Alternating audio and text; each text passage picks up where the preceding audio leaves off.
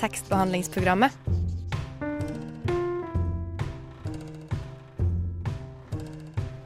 Tekstbehandling på radio.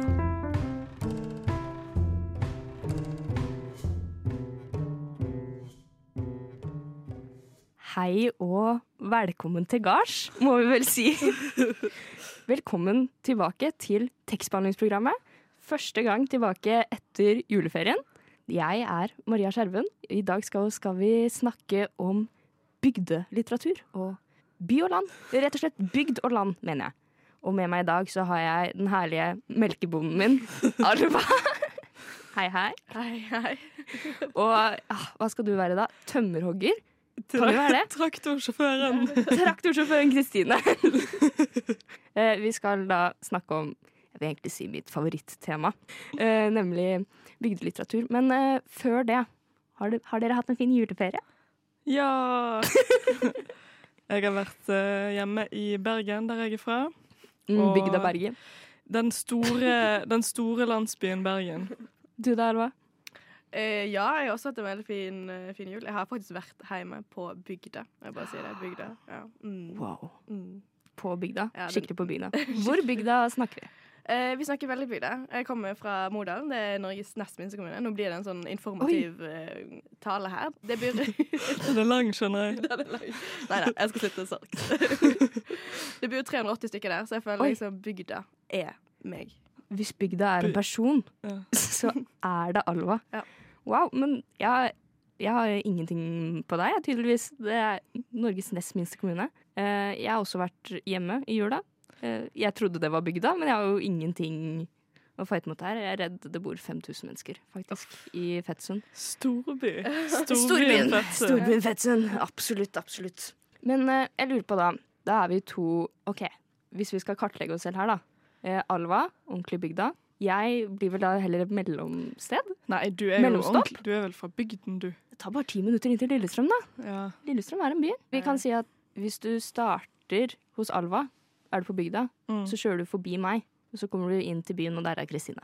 Ja, så hva slags forhold har du da til liksom bygdelitteratur? Ja, altså jeg føler jo at uh, veldig mye av norsk litteratur, om det liksom ikke er bygdelitteratur, at det finner sted Oslo er vel den eneste sånn ordentlige Mm. byen i Norge, så alt som er utenfor der, er jo ofte liksom sentrert litt på landet. Og, Det er liksom Oslo-distriktet, ja, og det er ja, hele det, Norge. det kjennes litt sånn, ja. Ja, Litt sånn observerende forhold, kanskje?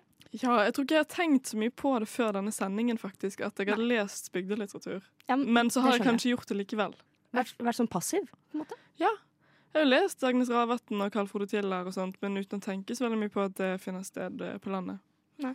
Jeg tror jeg er helt motsatt. Jeg føler um, Jeg tenker veldig mye at det finnes sted på landet. på en måte Fordi at jeg kjenner meg så mye igjen i noen av beskrivelsene, men også så lite gjennom noen av beskrivelsene. Og det der elsk-hat-forholdet jeg har til bygden og min plass, um, kommer liksom ofte igjen i de bygde litteraturbøkene. Så jeg føler Ja. kanskje motsatt uh, erfaring. Men elsk-hat-forhold. Ja, men det føler jeg jo alle Jeg føler alle Ja. har et ambivalent forhold til der de kommer fra.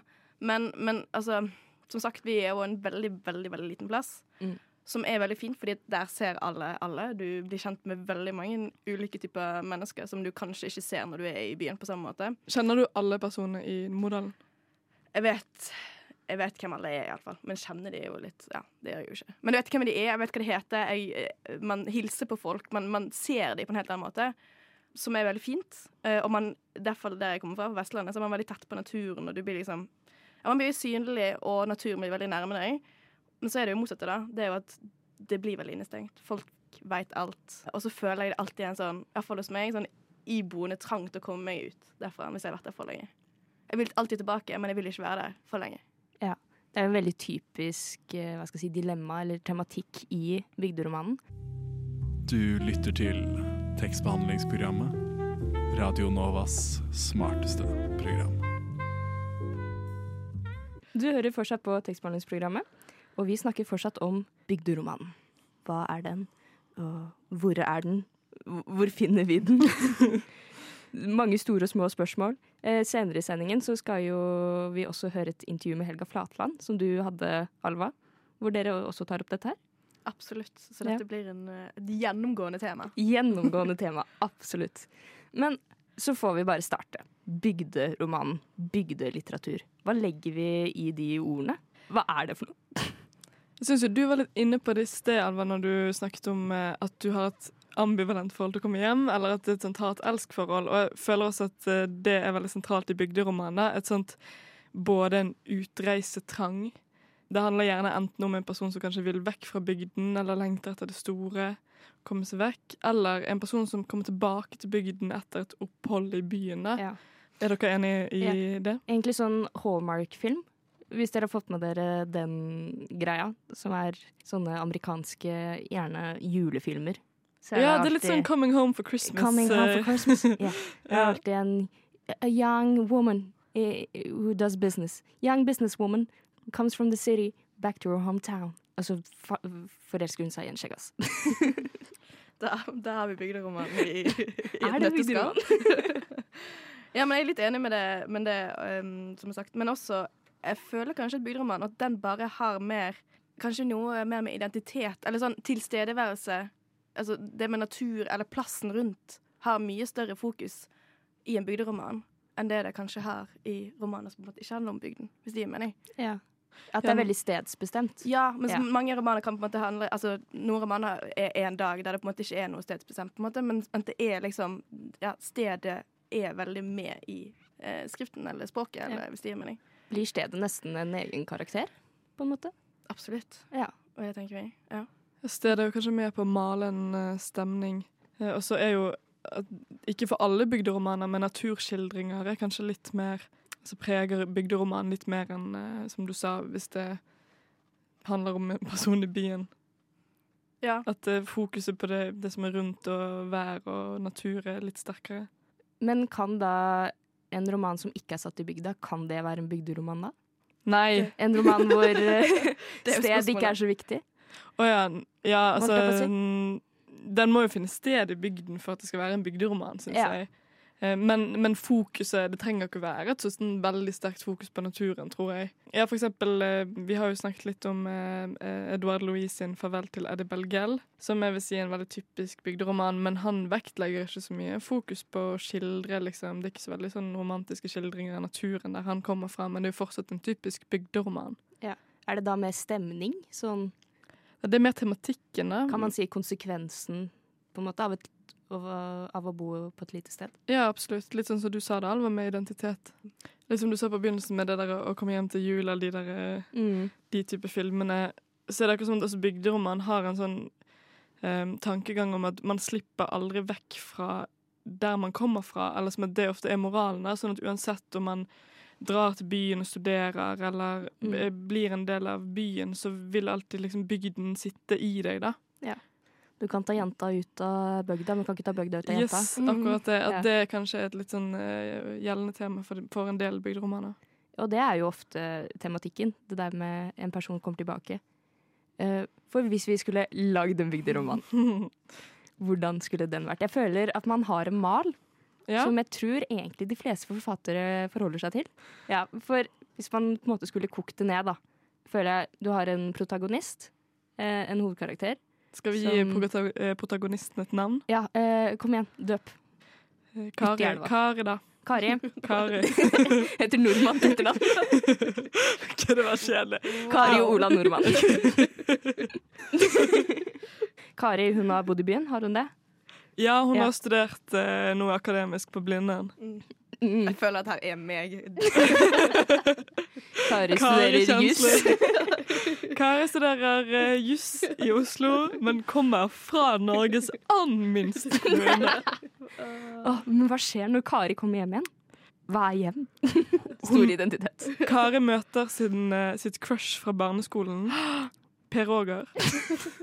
Per Roger. En motorsyklist eh, som jobber på den eh, lokale Ja, Alva? Benseren. Ja, butikken. Mm. Ja. For, For det er ikke så Som både mye. er en butikk og en kafé. Ja. og en bensinstasjon. Og en bensinstasjon. Ja. Og et verksted. ja. Og Hells Angels-avdelingen.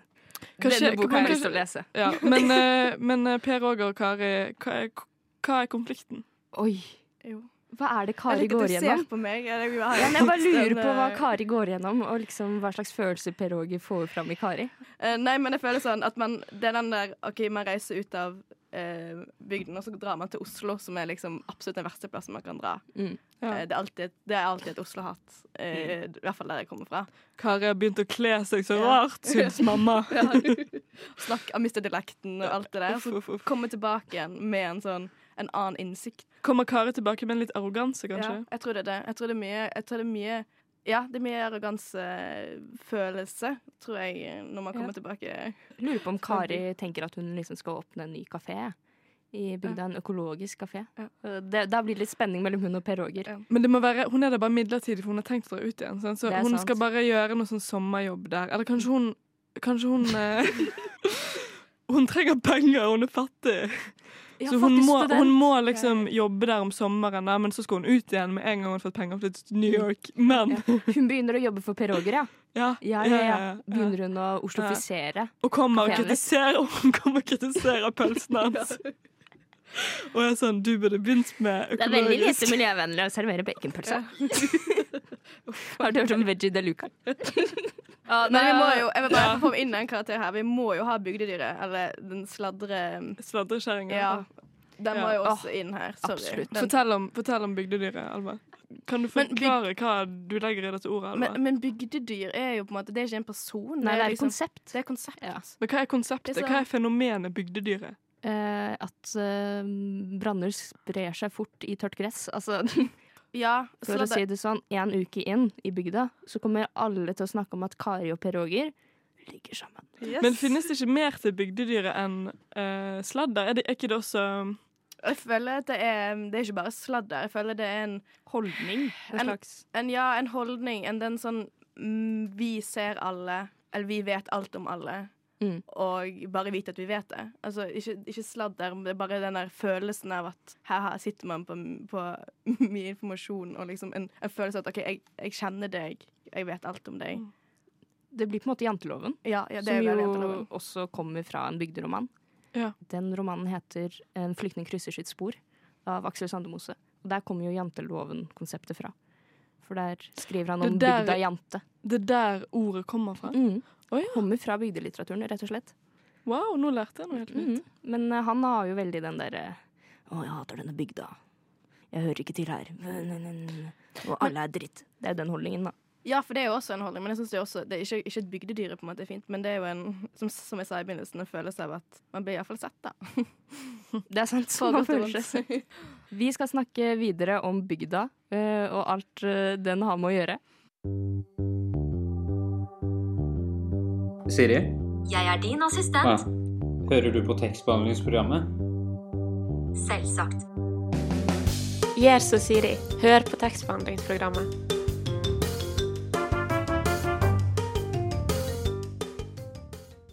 Du hører på tekstbehandlingsprogrammet, um, og vi snakker fortsatt om bygdelitteratur, men vi skal faktisk høre et intervju som jeg hadde med Helga Flatland. Boken din handler jo om Mathilde, som nettopp har fått eh, sparken eh, som vikarlærer i Oslo, fordi hun har hatt et forhold til en student. Og så flytter hun da til en gård eh, som Johs eier sammen med Andres. Og det er på en måte to narrativer. Det er Mathilde, og så er det Johs. Og spørsmålet mitt er da, hva er poenget ditt med å ha disse to stemmene? Hva vil du på en måte utforske med å ha de to i boken istedenfor bare én? Um, det er jo et litt sammensatt spørsmål, egentlig. Fordi at uh, det, er jo, det er jo Hele ideen bak uh, Etterklang den startet med at jeg er fra Telemark selv. uh, fra en liten bygd som heter Flatdal, som er uh, til forveksling lik den bygda i, i Etterklang. Og så har jo jeg i løpet av årene som har gått, da, vært liksom interessert i og nysgjerrig på den endringen i holdningen til eh, distriktverdiene, da, til de rurale verdiene. For da jeg vokste opp, så var det litt sånn Det var, det var litt det var ikke så kult å komme fra bygda. Eh, og det var liksom veldig få da som snakka om selvberging og det å dyrke sin egen mat, og at, at det liksom å være i takt med seg selv og sånn. Da var det jo veldig mye mer sånn urbane verdier og man skulle reise mye osv. Og, så videre, og så i løpet av de siste ti årene, vil jeg si, da, men sikkert lengre, så har jo denne, eh, dette endret seg litt. At plutselig så er det nå eh, på bygda det ekte er, da, og det ekte finnes.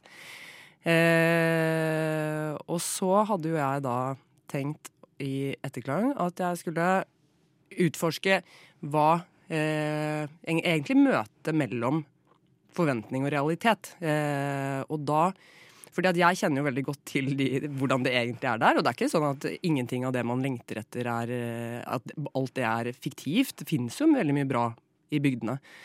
Eh, men forestillingen, for eksempel, så er det veldig mange som har en forestilling med sånn småbruk, og du skal ha liksom to geiter i hagen og en høne på taket, nærmest. Og så er det sånn eh, Det kan man ikke leve av. Sånn er ikke norsk landbruk, og sånn er ikke norsk distriktsliv. Eh, og den politiske viljen bak norsk landbruk er jo at man må drive stort for i det hele tatt å overdrive. Så småbrukene er jo i ferd med å forsvinne fullstendig. Men i hvert fall, så uh, dette møtet da mellom forventning og realitet, det er jo da uh, Mathildes forventning og Johs sin realitet, uh, som jeg beskriver. og Derfor var det jo viktig å ha de to stemmene som skulle da Du kan jo kalle dem representanter for de to. For by, by og bygd, da. Om du vil kalle, liksom skissere det helt sånn de satt på spissen, så er det jo det de to er. Jeg lurer litt også på um, Fordi at Mathilde er jo på en måte litt Hun blir i hvert fall beskrevet som en liten rotløs karakter, mens Johs på en måte ikke er motsatt, er det motsatte, da. Um, og det kommer litt inn på dette med bygd- og, og bytematikken, men, men hvor påvirker Jeg at dette med røtter og tradisjon er også veldig viktig. Og hvor påvirker liksom de karakterene av røttene sine? For det er jo en skillelinje der du skaper veldig Absolutt. Og Mathilde er jo påvirket av at hun ikke har noe særlig røtter. Eller hun føler i hvert fall det selv. Eh, fordi at hun Jeg har jo beskrevet henne som eh, Hun er jo en, da en dame som har eh, mistet foreldrene sine veldig tidlig. Og så har hun da vokst opp hos tanta si, som da er som hun kaller for mamma i og for seg. Men som, liksom, hun har jo ikke de der veldige røttene bak. Hun kan ingenting om forfedrene sine. og sånn, ikke sant? Så når hun kommer til Telemark og møter Johs, så blir jo hun helt sånn men dere er så utrolig opptatt av hvem dere har vært hele tiden. Er det ikke liksom litt viktigere hvem dere er? Mens for eh, Johs og hans ekstremt tradisjonsbundne familie, så er det mye viktigere hvem de har vært. ikke sant? Og han har jo, og i hvert fall moren hans har jo oversikt over slekta langt tilbake i liksom helt til 1600-tallet, som den gården de bor på stammer fra. da. For dem så, så er jo tradisjonene veldig viktige, og de er definerende. Eh, de lager rammer som den familien forholder seg til hele tiden, som de ikke tør å trå ut av. Og jeg har jo tenkt at ved å beskrive en så tradisjonsbunden familie, at det også er jo en slags sånn eh, veldig trygghet for dem. da, At de ikke tør å gi slipp på tradisjonene heller. For hvis de ikke har de tradisjonene, sånn som hver jul eller eh, hver, egentlig alle markeringer, alle høytider, alt er så bestemt hvordan de skal gjøres. De vet antageligvis, da, har jeg tenkt, ikke eh, helt hvem de er, eller hvordan de skal opptre. Eh, hvis ikke de følger disse tradisjonene. Så, for, så det er jo to helt sånn motsetningsfylte mellom Johs og Mathilde. Den derre veldig identiteten som ligger i de tradisjonene. Og den litt sånn rotløse eh, Jeg sier jo at Mathilde har et veldig virrende relasjonelt kompass. Og det har hun jo nettopp fordi hun har ikke de derre eh, men, men jeg mener jo ikke at det ene er noe bedre enn noe annet. Men, men eh, det er jo interessant å se på for meg da, hvordan disse to For jeg er jo veldig opptatt av psykologi. Jeg er kanskje mer interessert i psykologi enn i litteratur. Og hvordan disse to personene med sin forskjellige bakgrunn møtes, og hva som skjer i møtet mellom de to, og også da bipersonene. da. Mm. Det henger kanskje litt sammen, men du har eh, valgt å kalle boken din Etterklang. Hvorfor har du valgt den tittelen? Eh, Tittel er så Er lov å banne? Ja. Jævlig vanskelig. Altså, jeg hater titler. De er grusomme. Er, altså, du skal oppsummere på en måte og Veldig mange forfattere elsker å lage titler og har titler før boka i det hele tatt er begynt på. De vet ikke engang hva den skal handle om. Ikke sant? Så er det sånn tittelen er klar. Jeg, tittel er sånn så jeg må tvinges til av forlaget å sette på sånn helt til slutt, fordi at jeg syns det er så forferdelig vanskelig. Eh, når det er sagt, så er jo Etterklang en tittel jeg ble veldig fornøyd med. Eh, og den, det er fordi at den For det første så er den liksom kort og konsis, og så er det eh, flere betydninger i ordet. ikke sant? Fordi at i boken, som handler jo også veldig mye om musikk og folkemusikk, så er jo selvfølgelig et, altså den etterklangen etter en hardingfele som Johs underviser i og sånn, er viktig. ikke sant? Den selve fysiske, den der klangen i et rom som blir igjen etter lyden av en hardingfele, f.eks. Det er jo det den sier. Men så er det også etterklangen av sågene som jeg bruker i um, som en slags sånn undertekst, da, i, og hvordan de fremdeles er igjen i nåtiden. Eh, etterklangen etter forskjellige relasjoner, etterklangen etter ikke sant? Det er mange sånne ting som, som jeg har tenkt at den tittelen spiller på, eh, som jeg da ble veldig fornøyd med. Men eh, jeg skulle gjerne hatt en sånn tittelmaker. en sånn der generator som du bare kunne puttet inn noen ord fra boken, og så, og så riste på en boks, og så se hva som kom ut. Så skulle jeg fader meg bare brukt det, fordi ja. Mm. Syns det er en veldig veldig fin tittel. Så Ja, det- jeg syns hun gjorde en, en veldig god jobb der. Ja, og det er også fordi at bokhandlerne de liker den tittelen, og det skjønner jeg også godt, for den er, så, den er ganske lett å huske og lett å selge, og så er det sånn og forlaget også, ikke sant, så den har jo også, samtidig som jeg syns den er ganske sånn eh, poetisk, det ordet, så er den faktisk også kommersiell, og det er jo, en, det er jo også vanskelig, det der at forlaget gjerne selvfølgelig vil at boka jeg også vil jo selvfølgelig selge bøker, men, men det der å finne noe som er, eh, som treffer riktig, da, det er jo drittvanskelig, men eh, etterklang syns jeg den, eh, den er jeg fornøyd med. Mm. Klinger fint. Absolutt. Hvis du går hjem med noen og de ikke har bøker, ikke knull dem. Hilsen tekstbehandlingsprogrammet. Du hører fortsatt på tekstbehandlingsprogrammet, um, og nå skal vi gå inn på del, altså andre delen av intervjuet med Helga Flatland. Ja. Og det blir spennende, så følg med. Jeg gleder meg veldig. Um, du har jo på en måte skrevet om bygda i Telemark før, eller i hvert fall om bygden før, selv om vi ikke har plassert den. Um, men hva er det som gjør denne boken, eller denne bygden i denne boken her annerledes i forhold til det andre du har skrevet? Eller er det den samme bygden du skylder? Ja, det er et godt spørsmål. Eh, også, det er et godt spørsmål også fordi at det er veldig mange tror eh, i den trilogien at det er Telemark, at det er Flatdal som jeg kommer fra. Eh, men jeg har jo eh, ikke beskrevet stedspesifisert den bygda i trilogien nettopp av den grunn at den ville jeg at skulle være mer universell. At, det skulle være, at man skulle kunne liksom være i en bygd i på Nordvestlandet for eksempel, da, og likevel kjenne seg igjen. Og det var viktig for meg at den ikke ble stedsplassert, fordi at det ikke da skulle være eh, At det skulle kunne være hvor som helst i Norge. Det skulle beskrive norsk virkelighet og denne deltakelsen i Afghanistan og bygdedynamikk som, som et universelt tema. da. Mens i etterklang så har det vært viktig å plassere den akkurat i Telemark, fordi det er også eh, er det et veldig sterkt folkemusikkmiljø. Jeg bruker såger, slåttesåger som det heter, som er stedsplassert i eh, Telemark, som nevner steder hvor jeg eh, kommer fra. Så det ble viktig at den skulle være akkurat der. Og så er det jo også sånn researchmessig veldig enkelt for meg, da, for jeg, kjenner jo veldig godt til veldig mye av det.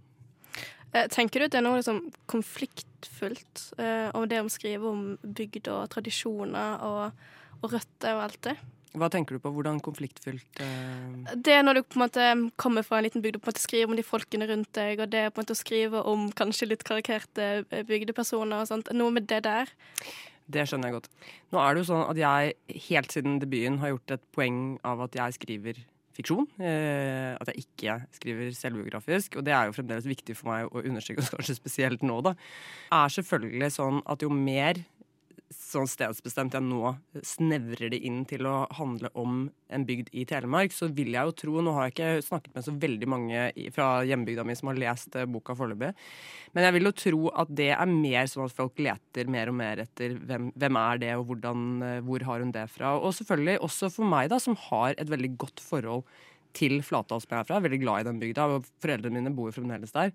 Og jeg er der ofte og har liksom venner og sånn der. Så, så er det selvfølgelig en viss sånn Eh, ikke fare, men det er, det, er, det er noe Det er litt ubehag knyttet til det også, fordi jeg løfter frem sider ved eh, bygdedyret eh, og dynamikken der som er problematisk. Den tause kulturen, f.eks., hvor alt blir feid under teppet. Og det er en, det er en, en udiskutabel verdi å kunne hold, forholde seg taus og nesten følelsesløs i møte med helt forferdelige ting og relasjonelle problemer. Som liksom blir feid under teppet, og så snakker vi ikke mer om det. Og sånn er det. Og, og undertrykkingen der er jo sånn, det er jo som en trykkoker. Så liksom hva, hva skjer eh, etter hvert der? Sånne ting er jo selvfølgelig det er, ikke, det er ikke skummelt for meg å sette ord på det, men det er selvfølgelig en sånn eh, at jeg beskriver noe som sikkert noen kan synes at er ubehagelig. At jeg, å tenke sånn Å ja, det er sikkert henne, eller er sikkert henne, eller er sikkert han.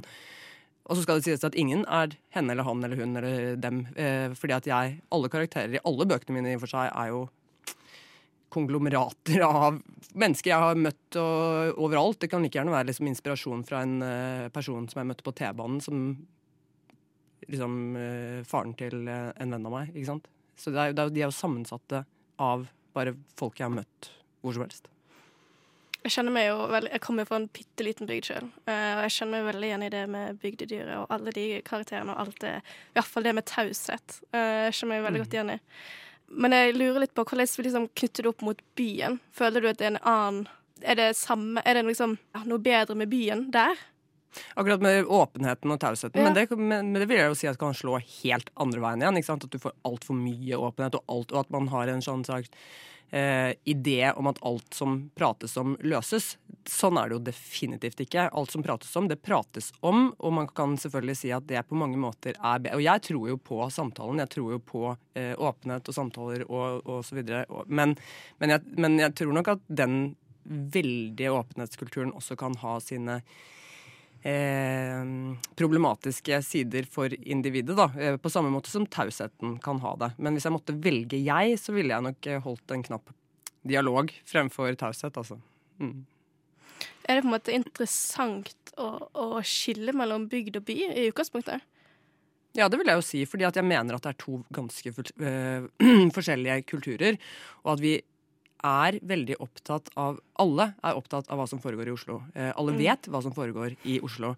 Både de som er, bor i Oslo, vet hva som foregår i Oslo, og de i distriktene retter blikket sitt mot Oslo. Eh, sånn er det, og sånn har det jo alltid vært. Så er jo problemet at, eller ikke problemet, men det interessante er at det går ikke andre veien. Eh, de som bor i Oslo, eh, veldig mange av dem aner ikke hva som befinner seg ute i distriktene. Og de vet ikke hvordan ting fungerer, dynamikken. Og så er det liksom hvor mange prosent av Norge er distrikt. Altså det er helt vilt mye.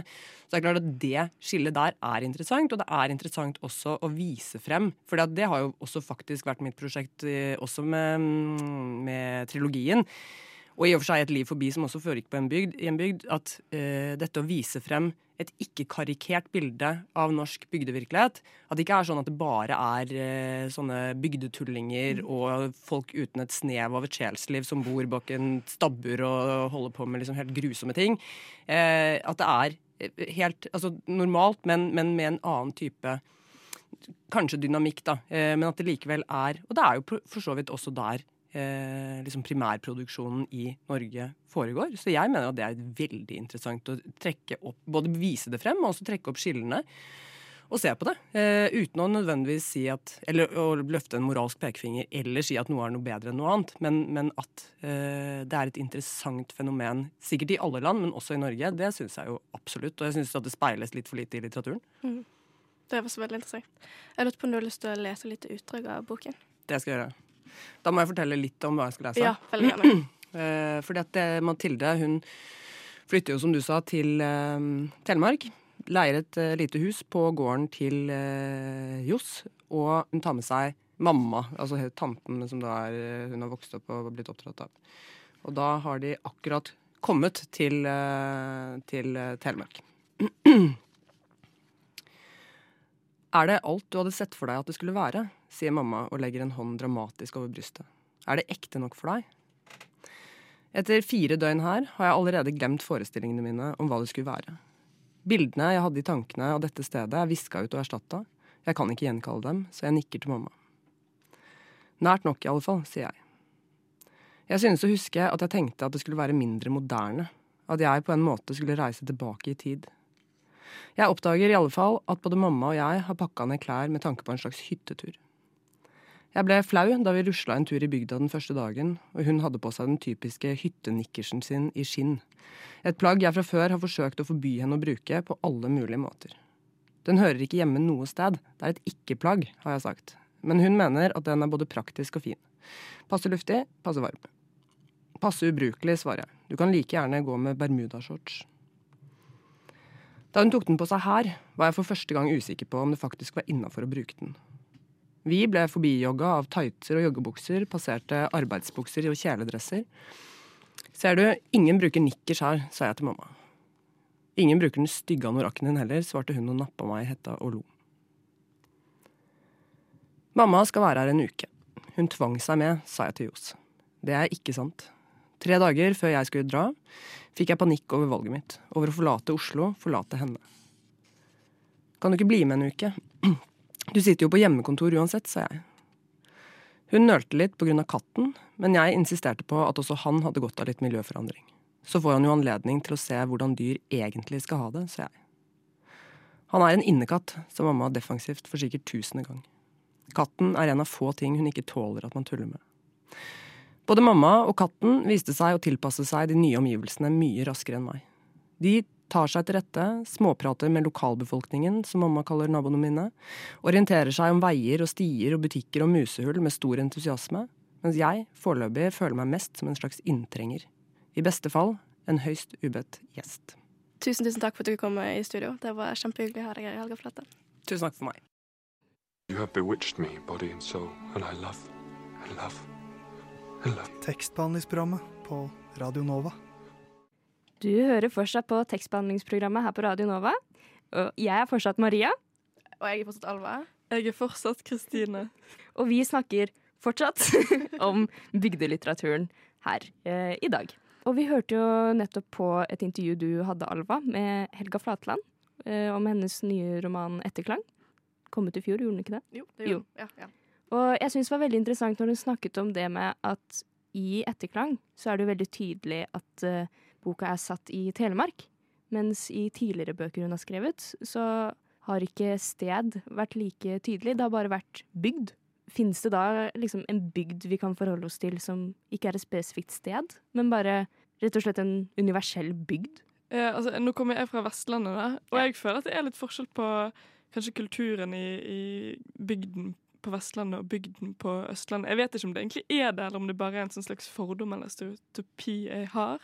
Vi, vi kan jo bare poengtere ut at uh, i studio nå så representerer vi øst og vest. Ja, ja, ja, det er de så- to landsdelene vi, vi dekker. Det er derfor vi ikke snakker om Nord-Norge, fordi vi, Vi har ingen til å representere eller Sør-Norge.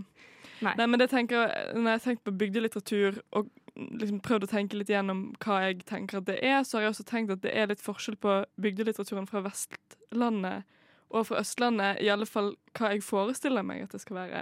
Og det er kanskje litt fordomsfullt, og er litt sånn, det er litt pinlig å innrømme det, men det er akkurat som at jeg føler at fordi kanskje den eh, bygdelitteraturen på Vestlandet er preget av litt mer sånn fjell- og naturskildring, at den har en mer sånn poetisk eh, Noe mer poetisk over Altså det er noe mer poetisk over min fordom over den, da. Jeg vet ikke om det er sånn, mens Ja. at den på, på Øst-Norge kanskje Ja. At det er en sånn kulturforskjell litt. da. Jeg føler at vestlands... Hvis vi skulle hatt sånn Vestlandsromanen og Østlandsromanen, da.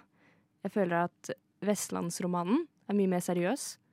Og så føler jeg at Østlandsromanen er veldig useriøs. Eller jeg tenker sånn litt sånn køddete. Gir det mening? Ja, og så tenker du med For det er jeg, så, jeg, jeg henger meg på alt det dere sier.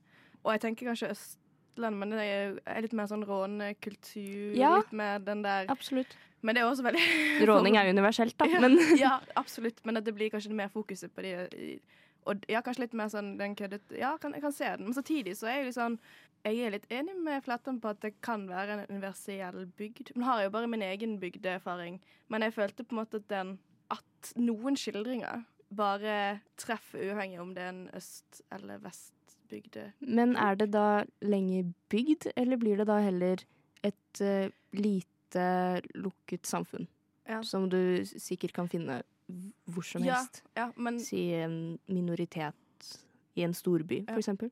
Men det går kanskje litt tilbake igjen på at men det er den identitetsspørsmålet. At det på en måte blir universelt uavhengig om det er fra Østlandet eller fra Vestlandet. Men, men jeg er veldig enig med det med at Vestlandet kanskje natur Ja, natur, og føler også humor. Mm. At det er en egen sånn kvasshet, kanskje, i noen av de vestlandske bygderomanene jeg tenker på. i hvert fall. En, sånn, ja, en type humor som man kanskje En satirisk liksom, tvist på ting som jeg kanskje ikke ser så mye på østlandsbygderomaner. Men, men til samtidig, det er jo ja.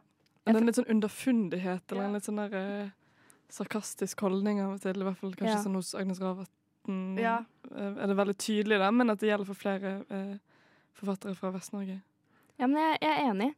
Og liksom der vest, eh, vestlandsforfatteren er sånn, da, så er liksom østlandsforfatteren litt mer sånn jovial. Ja. Ja, Er litt ja, mer sånn folkelig. Liksom- folkelig, rett og slett. Ja. Syns ikke dere er så folkelige på Vestlandet, jeg. Litt mer eh, arrogante og litt Ja. mer eh, kanskje Det ja. blir, det blir nesten sånn lavkultur-høykulturforskjell, føler jeg. Det, det er vanskelig å si, da, fordi det, det høres jo liksom fordomsfullt ut og sånt. på en måte, og, og Ja. Man skal ikke dra alle under en kam. Men det er litt sånn som vi snakket om i begynnelsen, det, at bygderoman kan være veldig naturpreget. Og der er det jo veldig stor forskjell på naturen på Vest-Norge og på Østlandet. Og hvis vi skal si at eh, bygderoman er naturpreget, så vil jo også naturen da ha noe å si for hva slags bygderoman det er. Eller hva tenker du, Alva? Jo, jeg er absolutt enig i det. Jeg vil bare også poengtere noe som også Flatland tok opp i intervjuet. Det med at, eh, at vi er en generasjon der, der kanskje den vestlandske naturen Altså at, at det er en positiv ting, mens for 50-60 år til så var det på en negativ ting. Mens på øst, altså, at de ikke har hatt den samme forandringen, en flip-over, i liksom den bygde Gir det mening? At det ikke er samme Ja. stolthet på Østlandet, liksom? Ja, problemet med Østlandet er jo at det er så mye lurer på om problemet med Østlandet er at det er så mye tilflytting. Det som jeg anser som min hjembygd, er jo egentlig ikke en bygd lenger, men det har jo vært en bygd. Men da falmer jo litt den der stoltheten av å være fra et lite sted, fordi halvparten av de jeg har vokst opp med, familien dem, deres er ikke fra Fettsund. Kan det handle om noe så banalt som geografien, liksom, at det er flatere på Østlandet, derfor er det litt mer flytende overganger, mens Ja. uh, du har disse fjellene som tydelig markerer liksom, at eh, selv om det ikke er så langt fra Modalen til Vosta, så har du på en måte fjellene som eh, skaper det til et veldig sånn inne, innelukket sted. Jeg tror absolutt det. Fjell, rett og slett. Det er svaret. Ja, fjell er svaret. Apropos stolthet, så har jeg tenkt på um, at jeg føler at Norge egentlig er ganske sånn stolt over bygden, eller at det er en ganske sånn eh, Ikke liksom nødvendigvis, men at man er liksom man er glad for å være fra bygden her, og man kan ofte rom- romantisere det å være fra bygden litt. da, Naturen og det der som Helge Flatland snakket om, at man nå har en idé om at det er det ekte og det jordnære og sånt. Men jeg opplever ikke at det er på samme måte når man snakker om bygdelitteratur i andre land. At der er det kanskje Der er bygdelitteraturen mer preget av en sånn eh, klassereise eller machokultur eller noe som At det bygdedyret kanskje er nesten tydeligere, f.eks. i Edvard Louis sin eh, 'Farvel til Eddie, Belgella', som vi snakket om litt i sted. Mm. Ja, det, er et veldig interessant poeng. Eh, men det tror jeg også sånn at det har skjedd en veldig stor utvikling i Norge på akkurat det der. Og at man kanskje den utviklingen ikke ser man i f.eks. Frankrike. Der det, men der er det jo et helt annet samfunn. Det er jo helt annet klasse eh, samfunn i utgangspunktet, så er det på en måte vanskelig. Men, men ja, vi er jo veldig De siste årene, iallfall min generasjon, tror jeg Jeg tror ikke min mors generasjon eller mormor min generasjon hadde den samme stoltheten fra å komme fra bygden. Jeg tror de hadde en helt annen opplevelse av det enn det jeg har. Så jeg føler Det er også et viktig poeng. Men absolutt. At man er Ja, nå er vi det. Det er jo gøy. Altså, den identiteten kanskje har kommet mer i det siste, som du sa. Og så har det også vært politiske Altså det har jo vært politiske vedtak som at man har hatt eksempel eh, Man skal ha så mye nynorsk, eller man har så mye dialekter på teatrene eller Mm. på Statskanalen. At det faktisk har blitt gjort noen eh, ting for å få inn mer dialektmangfold og representasjon. Da, som jeg vet ikke om Det vet jeg ikke så mye om hva andre land gjør i forhold til det, men at Norge faktisk har tatt en litt sånn stilling til at vi vil ha mangfold, og vi vil ha folk fra bygden også. Ja. Vi er et veldig dialektglad land. Mm. Det tenker jeg at det er veldig trygt å si, i hvert fall. Ja, men da tror jeg egentlig at det Jeg tror vi kan si at det finnes en universell bygd. Tror du ikke det, Alva? Jo. Fuck yeah, bro! Jeg hører på tekstbehandlingsprogrammet. Radio nå. Vi nærmer oss slutten. Vi har vært overalt, vi. Og nå er vi i byen. Ja. På godt og vondt. Ja, vi startet hos deg, Alva, på bygda. Så var vi innom meg i skal man si mellombygda. Ja. Avslutter vi nå i byen hos deg, Kristine. Yes, velkommen til Bergen. Velkommen til meg, ja. Ja, eh, da lurer jeg på Nei, men eh, vi har, jo, vi har jo snakket og prøvd å finne ut hva bygderoman er, om det er en roman. Men jeg bare lurer på, har dere lest noe sånn eh, bygderoman eh, som dere liker, da? Jeg må jo nesten si Helga? Flatland, da. Veldig glad i Helga Flatland. 'Blir hvis du kan. Det syns jeg er en av de fineste, i hvert fall trilogiene, i norsk litteratur. Hvorfor det? Den bare berørte meg på en sånn måte som jeg ikke ofte opplever alltid at litteratur gjør. Eller sånn Det må treffe. Og den traff. Rett i hjerterota. Nei, også det, det er en veldig god bok. Veldig, psykolo ja, veldig god psykologisk. Det er noe med den der eh, identitet og tankegangen der som bare er sånn Å, det er bra beskrevet. Mm, hva med du da, Alva? Har du noen anbefalinger? Noe Ja, du må lese? Jeg har, jeg, har så mange anbefalinger. Um, men um, Agnes Ravatn er en av mine favorittforfattere. Jeg elsker henne. Men det er ikke anbefalingen. Jeg måtte bare si det. anbefalingen min er en ganske ny bok, og en debutant, faktisk. Som har kommet ut med en bok som heter 'Gratulerer med dagen'. heter boken, Og forfatteren er Maria Horvei. Og denne boken eh, sentrerer seg rundt 17. mai. Um, og diskutere den nasjonalfølelsen. Og, eh, og hele liksom boken går rundt liksom en 17. mai-tale som skal holdes av en som kommer, har bodd i Oslo og har doktorgrad. Og så mye sånn ja, eh, forholdet mellom bygd og by i den boken. Den er veldig bra skrevet.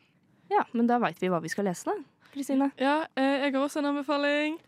Det er faktisk en diktsamling av en eh, forfatter eh, som heter Anna Kleive. Hun er fra Vinstra, så hun kommer fra en bygd. Og den handler om Dette er liksom rådebank i poesiform. Oi. Kult. Det handler om, eh, om trafikkulykker eh, og om å råne om våren i en bygd. Og det er en veldig vakker bok, og også ganske sorgtung. Så hun skriver jo om død til unge mennesker, da, men også veldig fint om samhold og natur på bygden. Så det, eh, den vil jeg anbefale å sjekke ut. Anna Kleiva våre seinere, altså. Her har vi både rådebankpoesi og 17. mai-taler eh, som vi kan glede oss med fremover. Eh, og vi håper at uh, du har holdt på å si, gleda deg med denne sendinga her. Eh, men eh, Kristine, hvor kan du høre tekstbehandlingsprogrammet? Du kan høre tekstbehandlingsprogrammet på Radio Nova sin DAB-kanal hvis du har en radio, Wow. eller på internett fra 10 til 11 hver onsdag. Eller så kan du høre oss der du finner din podkast. Jeg hører på Spotify, men vi er vel alle andre steder. Alle har lov. kan, Mm. eh, Podcast også. Kan også høre gamle sendinger med musikk på Radio Nova sin nettside. Eh, I studio var meg, Maria Skjerven. Meg, Alva Nomdal Kjensli. Og meg, Kristine Brusdal. Tusen takk for oss.